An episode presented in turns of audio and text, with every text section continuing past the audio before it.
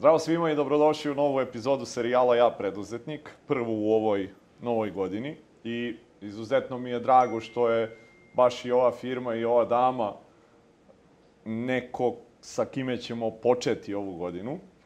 Srbija je zaista prepuna onako bisera preduzetničkih, iako veliki broj ljudi to ne zna i možda i negde sumnja. Pa recimo isto tako, firma u kojoj smo danas je u top 10 u proizvodnji tih nekih proizvoda koje ovde rade. I dama koja je danas sa nama je zaista izuzetna. Inače, da ona nije takva, ne bi ni firma bila takva. Pa je meni jako veliko zadovoljstvo da vam predstavim Sanju Jakovljević. Sanja, e, dobrodošla u serijal. Hvala. I hvala ti na dobrodošlici ovde u firmi. Pa da ne bih ja predstavljao firmu, mislim da si ti mnogo merodavnija da to uradiš, da predstaviš i sebe i firmu, Firmu, i šta je to što vi radite. Dobro, a sad ja bih želela da ponovim sve ono što smo pričali u ovom neformalnom delu ovaj razgovora, pošto to je zaista ono iskreno što, što ja mislim. Hvala tebi puno što si me izabrao da uopšte budem tvoj gost i što si se odlučio da kreneš ovim putem i da predstaviš sve nas preduzetnike, biznismene, ajde da kažemo, jer prosto kao što smo i pričali, e, ne znam, i sportisti i umetnici, svi dobijaju neke nagrade, budu negde viđeni za svoj rad, jel tako? A mi biznismeni uvek ostanemo u, u, u nekom skre, u prikrajku svega toga. Evo, ovo je jedinstvena prilika da se ovaj, da kažemo i mi nešto, kako to izgleda kod nas, šta smo mi to uradili, pa i da se pohvalimo prosto. Naravno. Ovaj, Pogotovo kad ima Pa če- tako da, čime da, kao što da, ti jest. i tvoja kompanija imate. Pa jeste, svi vole, znaš, negde, svi vole i da se pohvale i da kažu, e, uradio sam to, bilo je to, imao sam muke te i te, ovako, svašta nešto ovaj, bude. Pa eto, mislim, duga je to, duga, što ti kažeš, nije to neka duga istorija, 24, 25 godina, od e, proizvodnje iz garaže do, evo sada, praktično kompanije koja ima osam svojih čerki firmi po celom svetu, od Bliskog istoka do, ne znam ja, Rusije, preko Evrope. Izvozimo u 50 i nešto zemalja, bavimo se, četiri proizvodnje su u pitanju, valjci, četke, e, krep trake i plastika. U suštini to su proizvodi koji su proizvodi, ja, ja volim da ih zovem široke potrošnje, mada mi kažu kao nije to široka potrošnja, jer široka potrošnja samo je prehrana.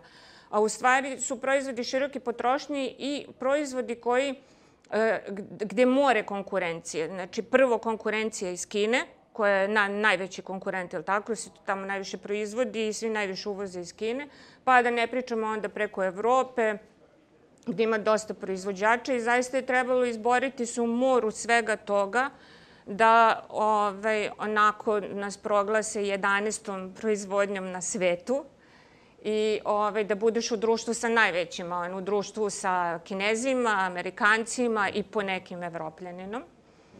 Ali, ovaj, uz, pošto ja nikad nisam bila skromna i ne, Ne mogu treba. sad da budem skromna ni ovde, ovaj, onako ja kad sam pogledala tu rang listu i kad sam videla ko su, ko su proizvođači, ja sam shvatila da ćemo mi te 2023. godine biti četvrti. U stvari da mi moramo da budemo četvrti na toj listi. I, i, I to je, znaš, ono što sam primetila kod svih tvojih sagovornika, svi imamo tu istu neku crtu. Ono, nije, nije samo biznis, nije samo uspeh, nego prosto da dokažeš da iz zemlje Srbije, znaš, je moguće da napraviš neke velike stvari. I, i, i sve nas vuče taj, taj drive, ono, da, da dokažemo da je nemoguće moguće. I eto imaš, ja sam gledala, ti si imao stvarno sjajne goste, ovaj, sjaj, sjajne ljude koji su napravili preozbiljne, znači na svetskom nivou pričamo, ne, ne, ne ovo kao neki lokalni, regionalni nivo, nego na svetskom nivou preozbiljne rezultate. Neki od njih su i bili moji uzori, mogu da ti kažem. O, super. Da, ovaj, uzor mi je bio Nelt Komšija.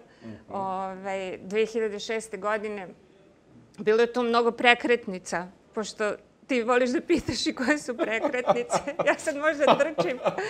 Ali, ovaj, ali 2006. godine su mi oni bili definitivni uzor kad sam se okrenula onako po tržištu Srbije To je bila godina kada smo mi napravili spisak za otpuštanje zaposlenih u proizvodnji, jer prosto Kina je toliko ovaj, vršila ono, pritisak, cene su bile jako niske, ovde nisi mogao da proizvedeš ništa. Ovaj, I mi smo napravili spisak za otpuštanje ljudi I ove, ja sam se onda okrenula po tržištu da, po, da pogledam ko, ko, ko je na tržištu Srbije merodavan u trgovini i kako to izgleda. I onda sam videla Nelta, aha, ok, oni se bave prehranom, ali kad si mali, znaš, tebi je potreban ipak uzor. Treba, kao malom detetu, treba ti neki tata koji će da kaže, e, sine, idi levo ili desno ili vidi ovo ovako. I to je ono što si ti pričao, što ti kažeš, Mi nismo imali od koga da naučimo. Ja jesam završila ekonomski fakultet i kao to je moja, je tako, oblast, ali opet biznis je sasvim nešto mm. drugo od, od, od fakulteta. I oni su mi bili u tom trenutku uzor, iako su mi svi govorili da je to nemoguće, da taj model koji je primenljiv za uh, prehranu ne može da bude u ovoj branši. Ali ja sam bila ono, ne, ne, ne, ne, samo to, tako će da se radi i nikako drugačije. Mm. I onda smo mi taj model, znači PG-a u stvari, njima je Procter Gamble bio kapa, jel tako, -hmm. krov koji je donosio celokupno to znanje o trgovini i tako dalje. A ja sam samo uh, kopirala. Mhm. Znači, ja sam bukvalno, nisam, nismo imali tada para da platimo sad, ne znam, ja, konsultante i tako tu priču. Uh, ali sam ja svim silama se trudila da saznam šta, kako Nelt radi, šta Nelt -hmm. radi, kako oni naplaćuju, kako oni obilaze te kupce. Ili sam, što si ti pričao, tvoj biznis, ti prodaš robu, oni ti ne plate i onda mm -hmm. gde si u celoj toj priči. I, ovaj, I eto, tako da su to zaista bili onako puno toga možeš da saznaš od, i, i da ovaj, dobiješ informacija upravo od ljudi koji su u biznisu, koje ti sada okupljaš. I bez obzira što smo mi u različitim biznisima, to je ta neka logika koja nas Absolutno. nosi, vodi, gde svako ima u nekoj situaciji neki, mm -hmm. neki savjet. Ok. Uh, Izvini, ja ti skačem ne, s teme ne, ne. na temu. Super si napravila upod, ovaj uvod onako lep i uh, ono sad E, što ja treba da radim i što ću da radim, da usmeravam sve to da, da. negde, da. ali svaki razgovor započinjemo tako negde što svoje sagovornike vratim na početke. Pošto ovo sad što si rekla, uh, izvozite u 50 zemalja, u top 10 proizvodnji na svetu, oko 400, 400 zaposlenih, jel tako, da. preko 30 miliona eura, svašta nešto. To kad gleda neko sa strane kaže to nema šanse, nedostižno je. Da, da, da. Pa ću ja tebe da vratim na početke, da ljudi imaju priliku da čuju kako je sve došlo do toga, da nam kažeš eto malo nešto o svom detinstvu, odrastanju, školovanju, pa da polako onda krenemo ka svemu ovome danas. Ja, duga priča. Moramo mnogo da se vraćamo unazad. Ove, ovaj, Pa ne, e, to, ja mislim, to, ima, to se rodiš tako, znaš, sa nekim darom. U stvari, ima ona priča o darovima, pa mm -hmm. ti si dobio pet talenata, onaj četiri, onaj tri, onaj jedan i tako. I ove, ovaj, ja zaista mislim da se ljudi rađaju sa, sa različitim darovima. I jeste da ja potičem iz jedne porodice. Moj deda je potvarao u bivšoj Jugoslaviji, znači posle drugog svetskog rata, moj deda je otvorio pa većinu fabrika koja je tada postojala. Znači i Ruma Guma, i Tigar Piro, Tobodin Cetin, po bivšoj Jugoslaviji. Bio je jedan mhm. od redko školovanih ljudi pre rata, pre drugog svetskog rata. Znači, ta neka naša loza, jel da, nije to baš sad da sam, da sam ja samo krenula. Mm -hmm. Onda otac mi je bio direktor u, u Rekordu. -hmm. Majka mi je bila isto na rukovodećoj poziciji i onda je to bilo kroz detinstvo. Naš, ja, oni jesu radili u državnim firmama, ali su imali ta, pogotovo majka im imala taj preduzetnički duh, onako. Ona se borila za rekord kao za svoju kompaniju. Znaš, i to je ono kroz odrastanje, kad gledaš, ja sam u osnovnoj školi znala da ću ja da budem direktor. Mm -hmm. Nema, to se znalo. Ja, I svi su znali. Ja direktor, ništa drugo. I tako sam ja uvek bila i predsednik razreda i u osnovnoj i u srednjoj. I, znaš, uvek sam se ja nešto nametala. Uvek sam ja svuda ja se nešto nametnem.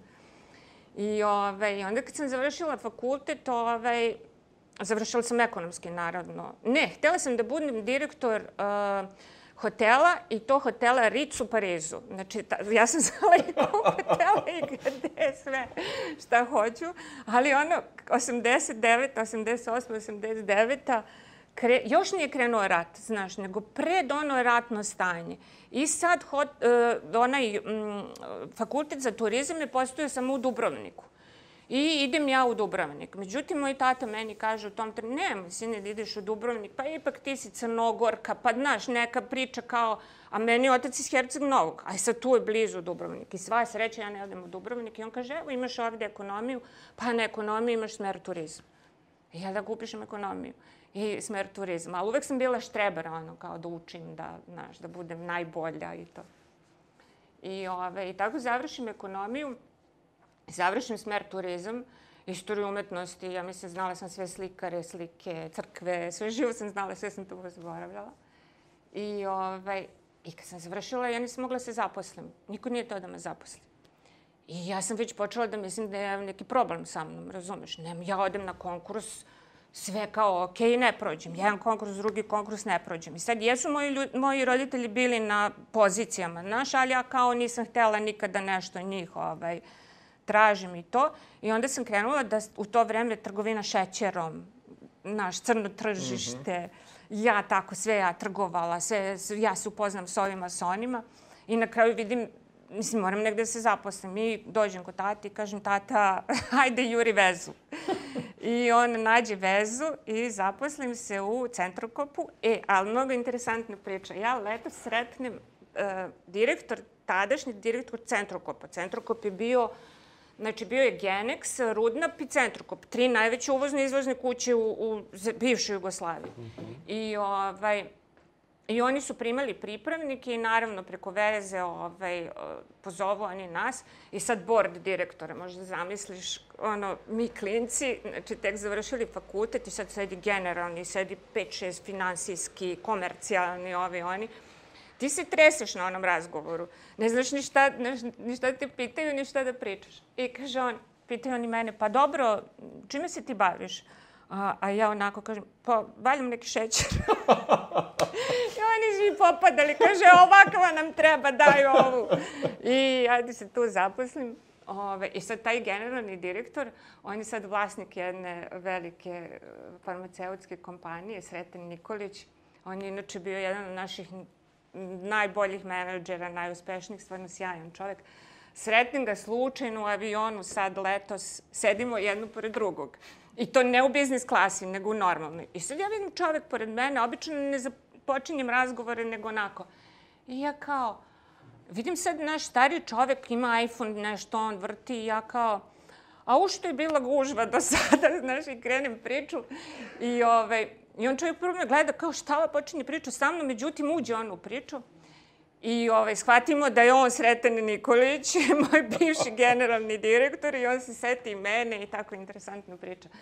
I ovaj, kaže, dođi, kao, ajde da vidimo šta ti radiš sada, šta on radi sada.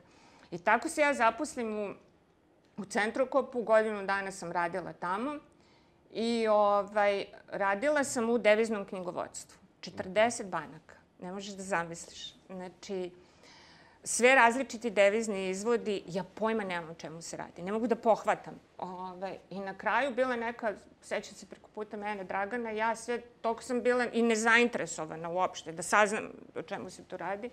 I ja sve nju gnjavila Dragana kako ovo, Dragana kako ovo. Na kraju Dragani pukao film. Kaže, ajde ti više ostavi Draganu na miru. I ja onda pokupim te izvodi od banke do banke, sednem i počnem, ajde kako vi ovo, kako vi ono. I ja tako u stvari naučim taj bankarski deo poslovanja. A moj brat je živeo tada na Kipru, pošto je on početkom 90-ih otišao na Kipar. I on je čovek koji će da napravi ne znam, šta god. Znači, šta god da smisliš, on će da napravi. I on je tamo bio stvarno izuzetno cenjen čovek i, na primjer, Gemax u to vreme. Gemax stavi na avion njihove mašine, pošalje za, la, za Larnaku da moj brat popravi i vrati mašine, razumeš, baš je ono... I posle godinu dana u centru Koporada on kaže ja ću da se vratim kući kao ajde, ovaj, ćemo krenemo privatan biznis. I ja kao, šta, šta me pita, nije šta je to privatan biznis, ništa. Ja kažem, hoću, kao, idemo mi u privatan biznis. Ako je direktorska funkcija, Ma, samo tu da, da. Vidim, ja nema u centru ko da budem direktor. I, ovaj, I on kaže, o, da, i onda svi, ne, ne, ne, vi ne znate šta je privatan biznis, pa to je robija, pa to traži slugu, pa, naš, i mi kao, ja kao, ma daj, šta pričaju oni, pustite vi nas na miru. I tako moj brat se vrati sa Kipra, ali sve što je steko njemu uzmu na carini, bukvalno. Znači, bukvalno, sve, sve do dinara mu uzmu. I mi krenemo naš biznis. Da, i sedimo mi ovako u dnevnoj sobi i on kaže, znaš šta, Ima, kaže, jedan biznis super, to su plastične cevi za vodu, to ti je budućnost. Sad on meni objašnja, no, on je tehničko lice, a ja veze s, s tehnikom nemam.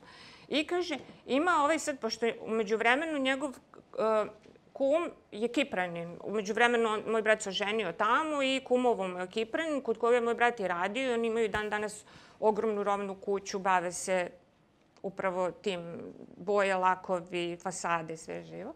I kaže, i Polis mi je predložio da me vodi kod nekog svog prijatelja koji ima fabriku četke i valjaka u Nikozi.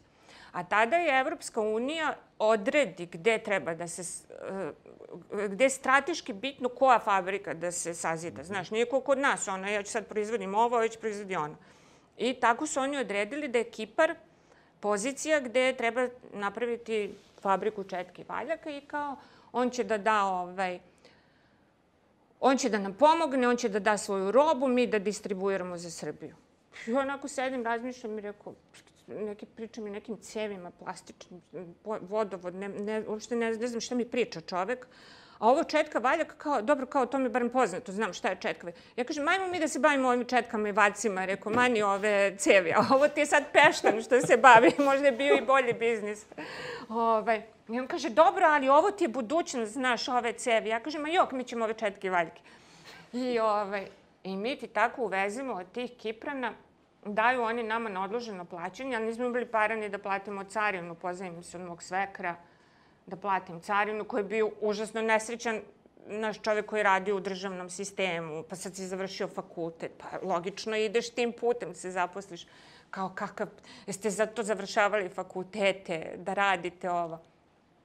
I, ovaj, I mi se, i, da, ja se pozivim od njega, mi platimo tu carinu i shvatimo da smo sve pogrešno uvezli. četke sa crnom dlakom i shvatimo da smo upali na tržište koje neprikosnoveno drže italijani. I neka firma koja je ovde, ono, nema, nema, šans kao mi sada, a da neko uđe potpuno ono nepoznat. I mi kao u šoku šta sad? I, ove, I onda kreće borba. Onda kreće, staviš robu bukvalno u kola, u onaj gepek i ideš i kucaš od vrata. Ti ne znaš nikoga, ne, nemaš vezu, nemaš niko da te preporuči. Onda ja sad upoznam tebe i onda sad upoznam, danas sam upoznala tebe i već ti kažem, e, a možda me preporučiš nekome? Znaš, tako, tako ide ta priča. Ovaj, I to naravno kreće iz garaže i nekako mi rasprodamo te četke i taj Kipranin je video on odmah u startu taj neki kod, ne, nešto je on video. Znaš, vidiš ti u biznisu uvek ko ima crtu za to. Mm -hmm. I on kao predloži zajedničko ulaganje da se ove, napravi fabrika ovde, on bi uložio i sve to i mi kao super ajde. Međutim, 99. bombardovanje. I on čovek odustane. I moj brat kaže, znaš šta, ma ne treba on nama, ovaj, uh, napravit ćemo mi to sami. I ja kažem, ka, kako misliš, šta? Ma kaže, ma ništa se ti ne sekiraj, sad ću ja da kupim mašinu za šivenje, ti ćeš da sediš da šiješ, Ja kažem, ja da šijem. Ja ne znam dugme da ušijem. Mislim, znaš, ja sam stvarno dete koje je raslo on, u nekoj porodici, imalo se, znaš. Ništa se ti ne sekira, ja ću tebi pokažem kako ćeš ti da šiješ. Ovaj, a ja ću ovaj, i, i kupi on tu mašinu i ovaj, da on meni tamo pokaže meni da ja šijem te valjke i ja krenem da šijem, razumeš? I ja ubrzo shvatim da ja ne mogu i da šijem i da se bavim prodajom i mi zaposlimo neku komšinicu, koja dan danas radi evo 25 godina. Ove, I dan danas šije valjke. Jer se oni rade istom tom tehnikom kao i pre 25 godina, nema ništa drugačije. I, ovaj, I eto, tako, tako krenemo iz garaži i uh, onda moj brat umeđu vremenu shvati da nama potrebna ta neka automatska mašina za proizvodnju valjaka. A onda, nas, onda su sve već počeli da nas prepoznaju, znaš, i u Crnoj Gori, Srbija, Crna Gora, krenuli su polako da nas prepoznaju kao nekog dobavljača za, za te stvari. Koliko otprilike traje taj period kad kažeš počeli su da nas prepoznaju? Pa to ti je, znači od moje 27. godine do negde od 97. do 2000. Ali 2000. Mm -hmm. mi već 2000. ulazimo već u, u neku drugu fazu, u ozbiljnu fazu. Mm -hmm. Znači, to su neke prve tri godine. Prve tri godine, vi to sve da. onako štap kanap i polako... To ti je garaža, donji deo naše kuće je, više ništa nije bilo, to je bilo pretvoreno u proizvodnju, u skladište, u dvorište, sve to bilo podređeno proizvodnji valjaka. I, ove, I mi misleći da je proizvodnja valjaka kao jednostavnija tehnologija, moj brat mesec dana uđe u garažu i mesec dana ne izlazi iz garaže, bukvalno. Znači, i išao po otpadu, pokazivala sam ti, mm -hmm. skupljao delove i od tih delove napravio mašinu čije, mi sad imamo šest takvih, pet, šest takvih linija za termofuziju. Ovaj, ta jedna mašina košta od 800 do milion evra i dan danas da je kupiš. Pritom nemaju je, znači većina proizvodnji nema to. I, ovaj, I on je to u svojoj glavi smislio kako to treba. On je nikad nije video. Znači, tad u to vreme, sećaš se, ni internet, ništa, mm. ti, ti nisi imao da vidiš. I on je smislio u svojoj glavi kako to treba da izgleda i dosta godina kasnije kada je video to, on je, kaže on, ja kao da sam je gledao, tako sam je napravio. I ona posle mesec dana proradi i onda je to kao bilo malo lakša proizvodnja, jel da, automatizovana. I 2000. godine, uh, sada, da, pošto nas je troje suvlasnika, jel tako, uglavnom se samo ja pojavljam i dvojica su u senci. ali e, zaista ljudi koji su izuzetno bitni, bitni za ovu kompaniju.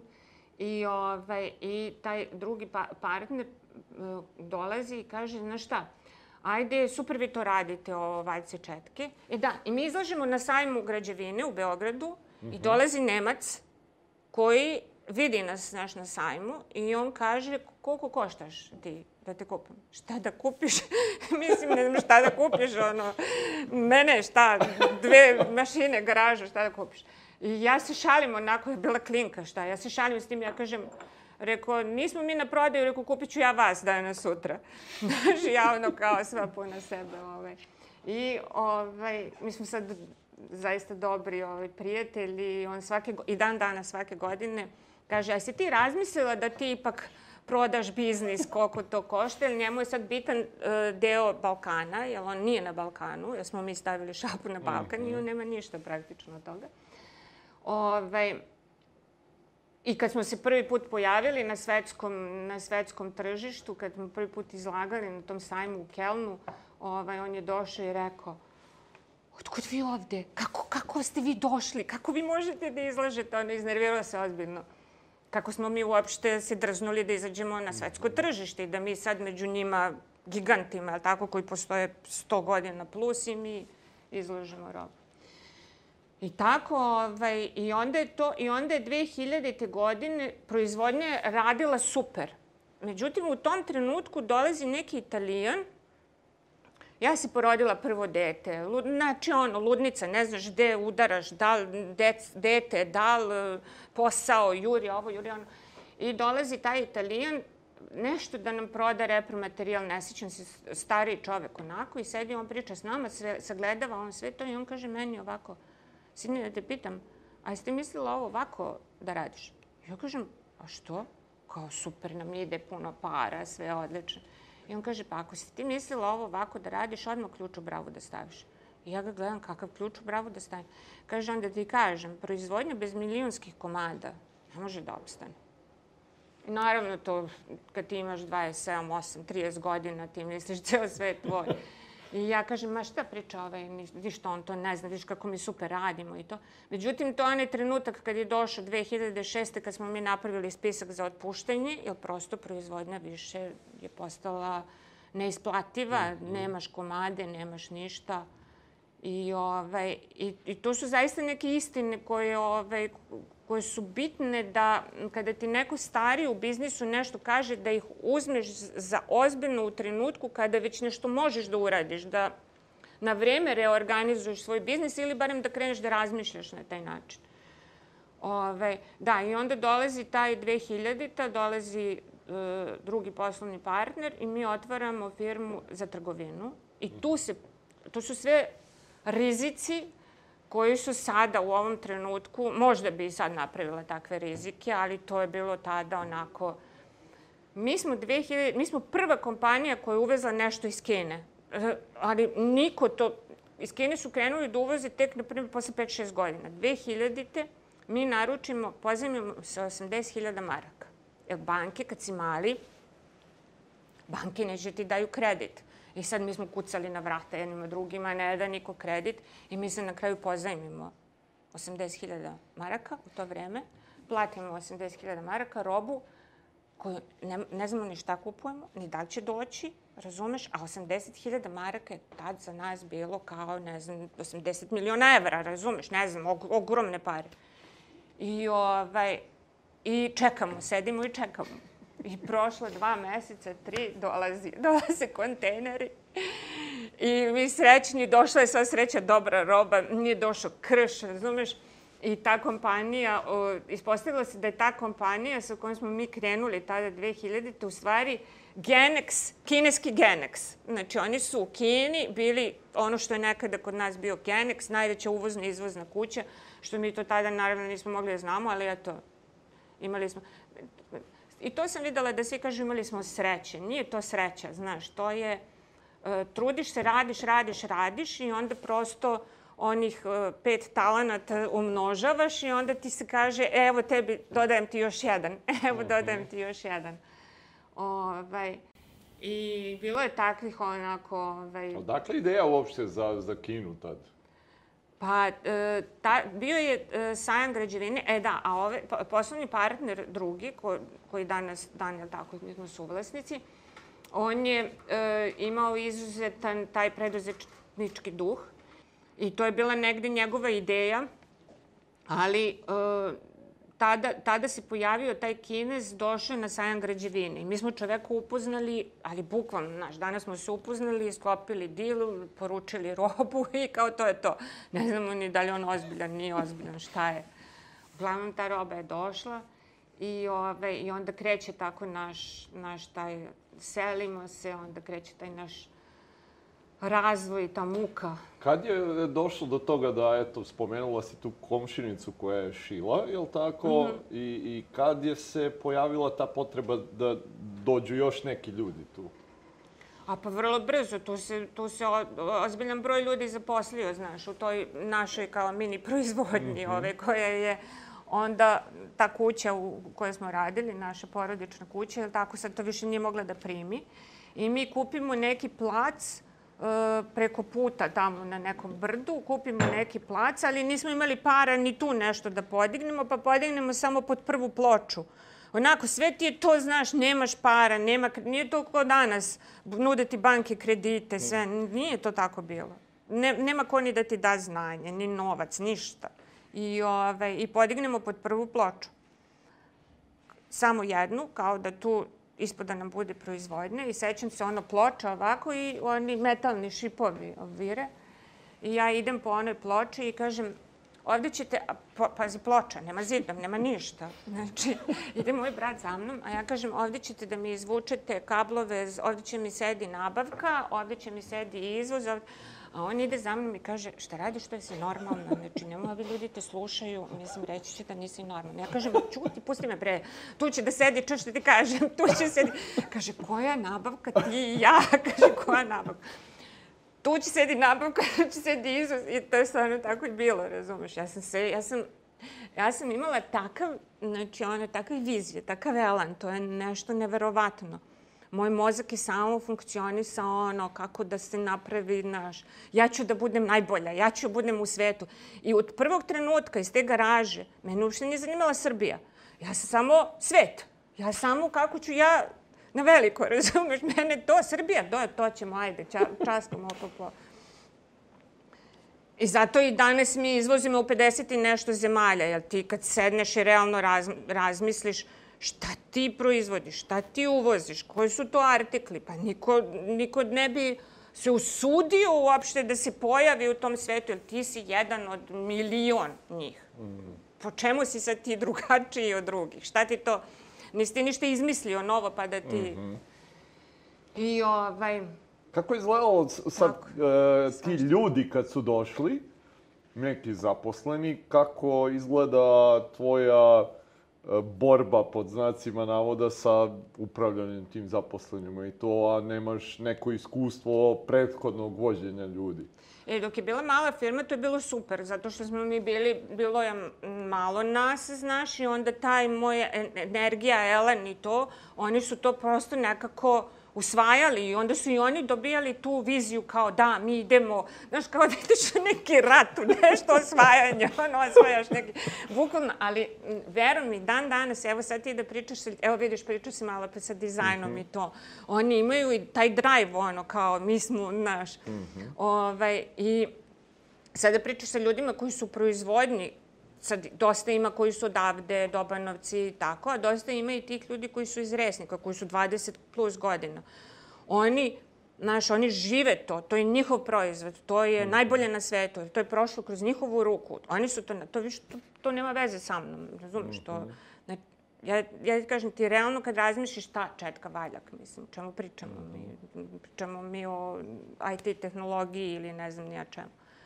Ovaj, ali to, to je ta, ta, ta, ta vizija, taj elan koji te nosi, energija koja te nosi da napraviš nešto više i da zaista to bude onako da, da, da ostaviš neki trag, eto. Mm -hmm. eto. Šta su neke stvari koje si ti tad morala da menjaš kod sebe? Ma ne, ma ne, ja sam, ja sam što se toga, ako me pitaš što se tiče menadžerisanja, ja sam najgori menadžer koji postoji. Znači, to ja, ne, nema gore. Ono, to, to nemoj da me pitaš. I sam si rekao, znači, vlasnik kapitala i menadžer, to su dve različite stvari. Ovaj, ja uopšte nemam strpljenja. Ja kad imam cilj, ja kao da imam ono tube neki ovako, kanal, razumeš, koji me ne vidim ništa, ni levo ni desno, ja samo vidim taj cilj i onda to, to mora munjevitom brzinom da se dođe do tog cilja, a ljudi, naš, prosto ne, ne, ne mogu tu brzinu naš da shvate i onda mnogo ljudi ne voli, ne želi da radi sa mnom. A ja nekako nikad nešto nisam želela da se menjam, jer onda bi to usporilo taj neki moj mhm. razvoj, tu viziju i sve to.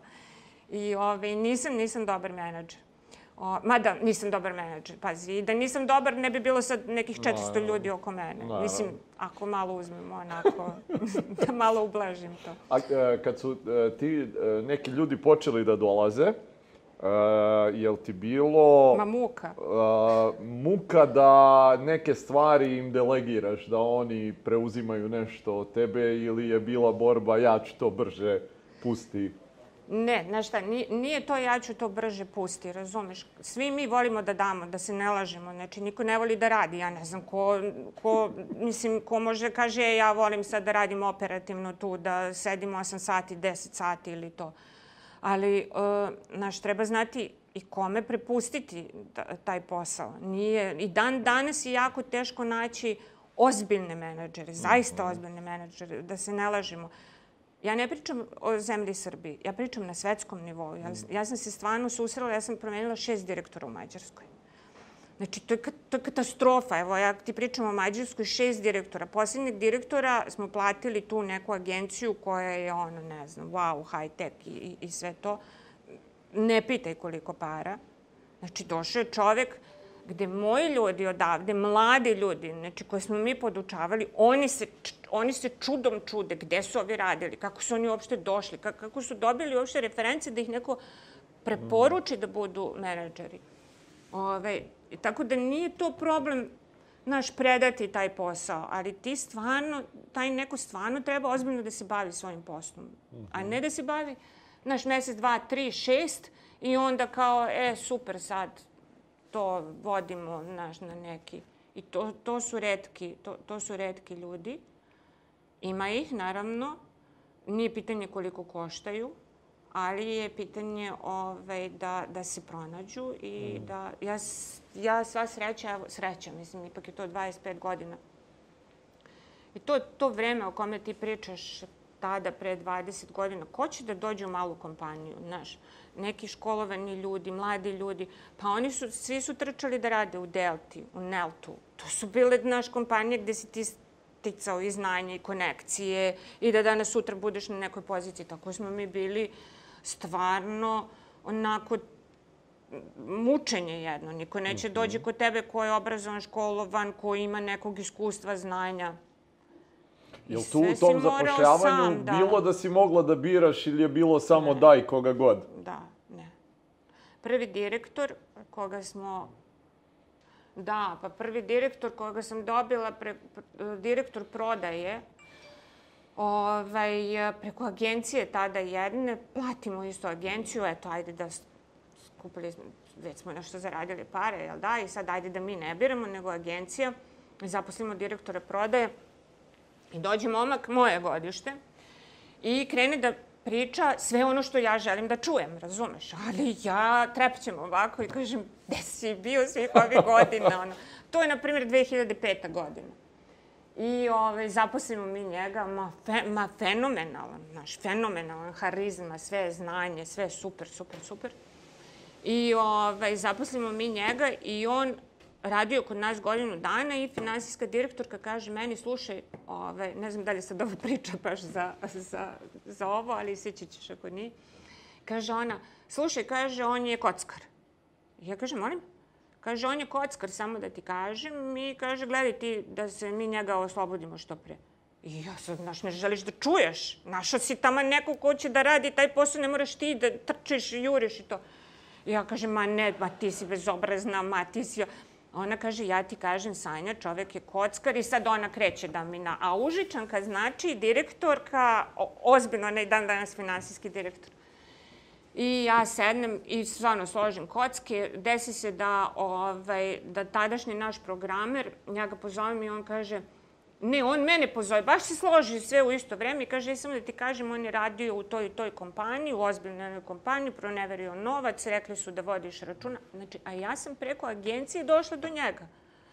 Ovaj, I ja šta ću, ovaj, pozovem ja njega i sad naivno onako kažem, vidi, takva i takva stvar i on kao, ma nije, ja sam, znaš ovo, ja sam ono, nemoj, molim te, nemoj, nemoj, nemoj. I sad ovaj suvlasnik, drugi, Aleksandar, on meni kaže, završavaj u 15 minuta. Znači, završavaj, ako si krenula tu priču, završavaj. I ja ne završim u 15 minuta, prenoći, on ukrade celu bazu podataka, ode proda Hrvatima, Hrvati, sve mi ljude pokupi. Bukvalno. Ja dolazim 2006.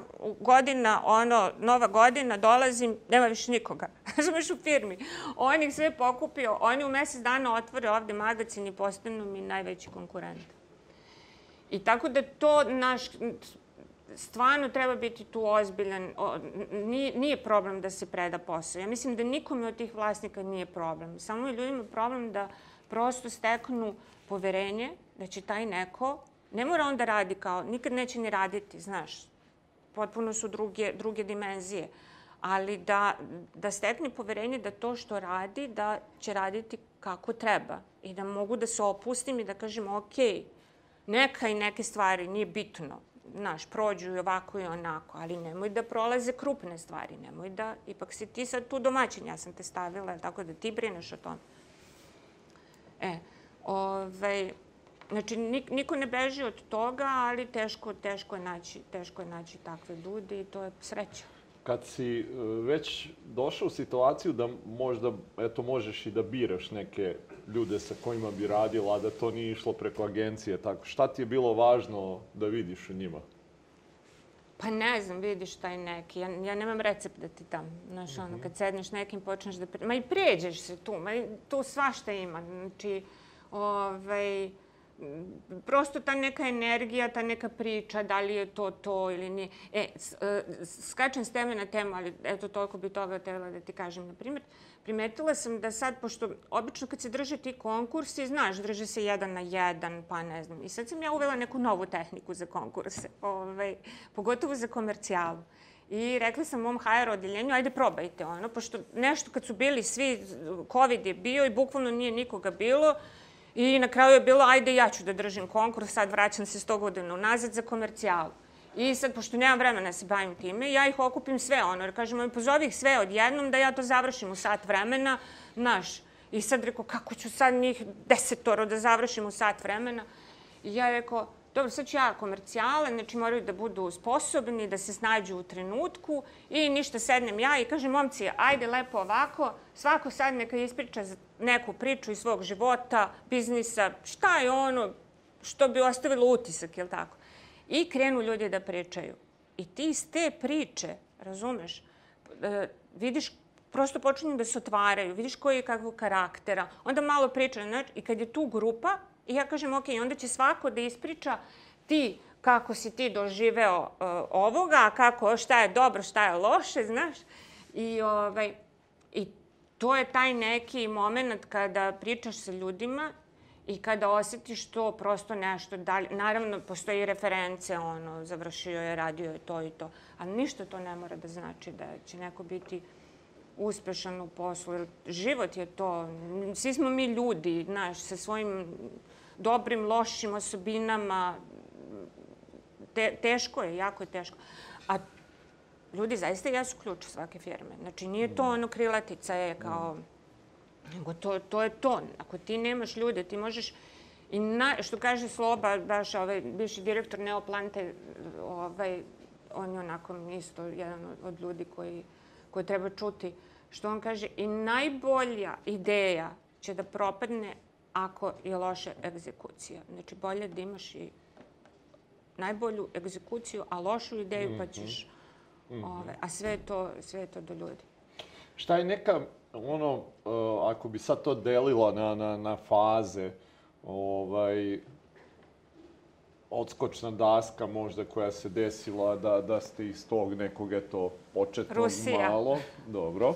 Rusija se desila, da desila se Rusija i to upravo u tom trenutku kada mi pravimo spiskove za otpuštanje, znači više ono kao šta ćemo... To je 2006, ako se ne varam. Pa tako, 2006. godina, A, kada se dešava i ta krađa podataka, sve, znači, i kada ja... Znači, 2006. baš potpuno, burna, onako. Potpuno padam.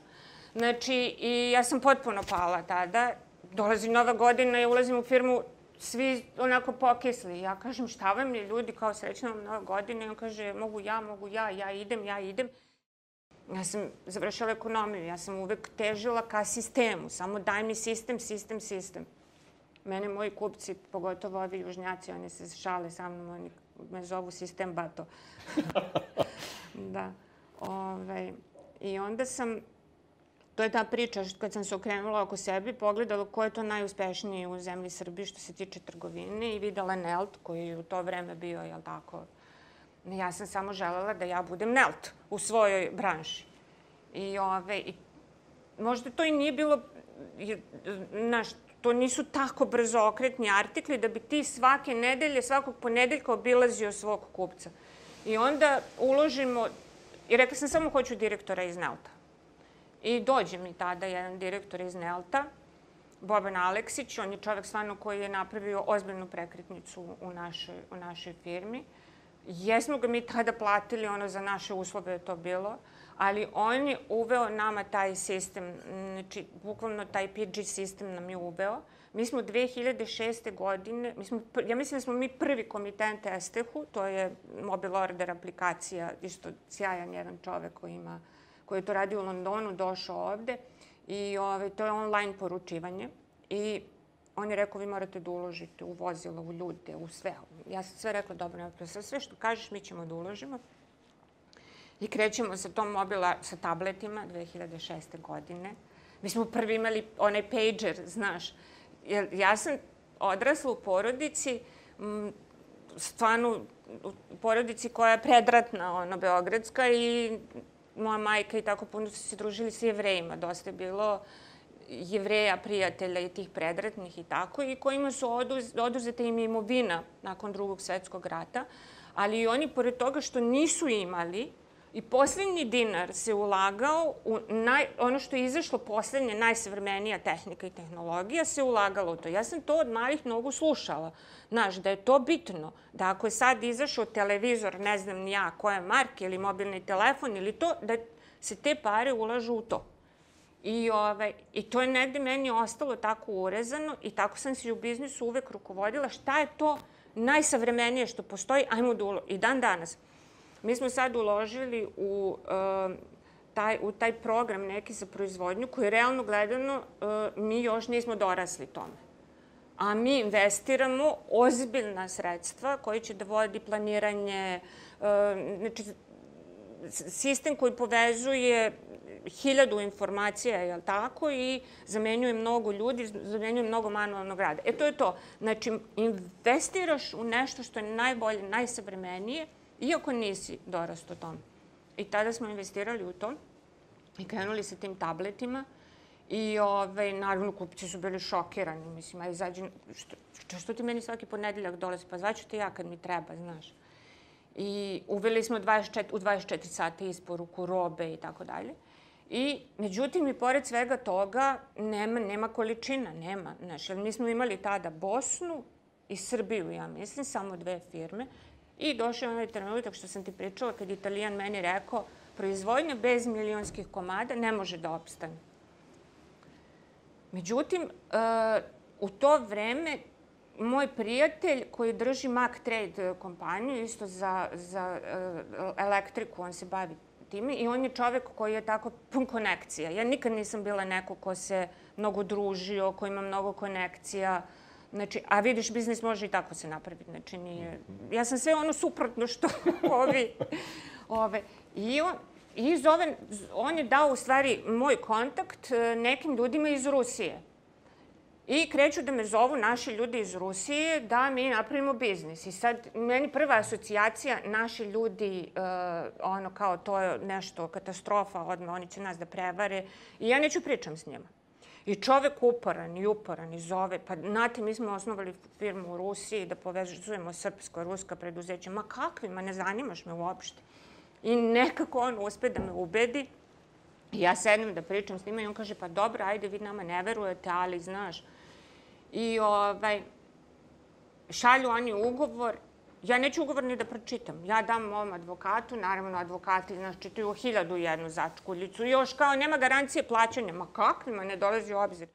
Jer to je bio stvarno rizik, dati robu, znaš, ja treba da mm, ogromnu količinu repromaterijala kupim, da to sve proizvedem, dam Rusima, nema garancije plaćanja i mi te prve godine napravimo cirka nekih miliona evra izvoza za Rusiju. I to je, to je nama bila inekcija. Znaš, to je nas održalo da održimo proizvodnju i odatle kreće. E, danas, sada mi imamo već i našu firmu u Rusiji i taj jedan Neša koji, koji radi u Rusiji, koji je naš predstavnik tamo, on je čovek koji je napravio preozbiljne konekcije sa preozbiljnim kompanijama. Mi, na primjer, snabdevamo Petrović, to, to je posle Leroy Merlena, druga kompanija na ruskom tržištu.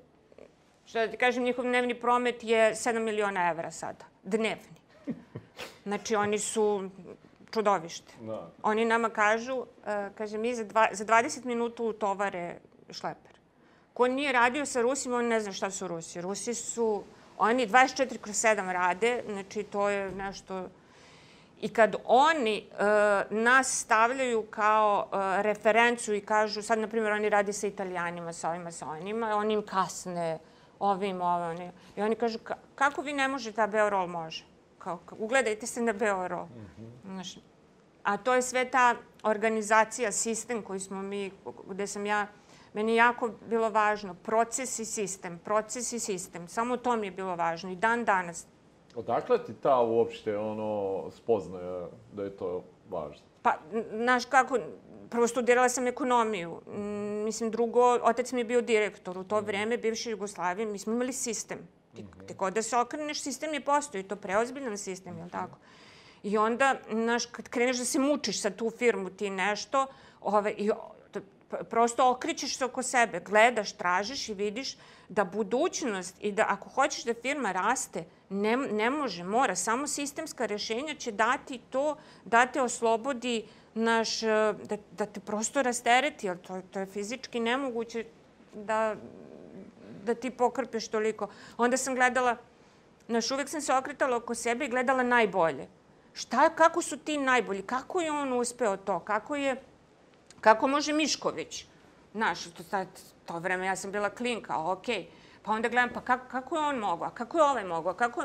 I onda sam izvlačila iz njihovih e, iskustava neke, neke stvari i primjenjivala. Neke stvari su bile dobre, neke stvari loše. Nije sve da se primeni. Mhm. Ali ono, što kažu amerikanci, sto puta probaj. Znači, pa 99 puta ćeš da padneš, a stoti put će te baciti u, u, u etar. Mm -hmm. I, ovaj, to sam ja uvek imala ono kao u glavi, probaj, probaj, probaj, probaj, pa sad valja, pa ne valja.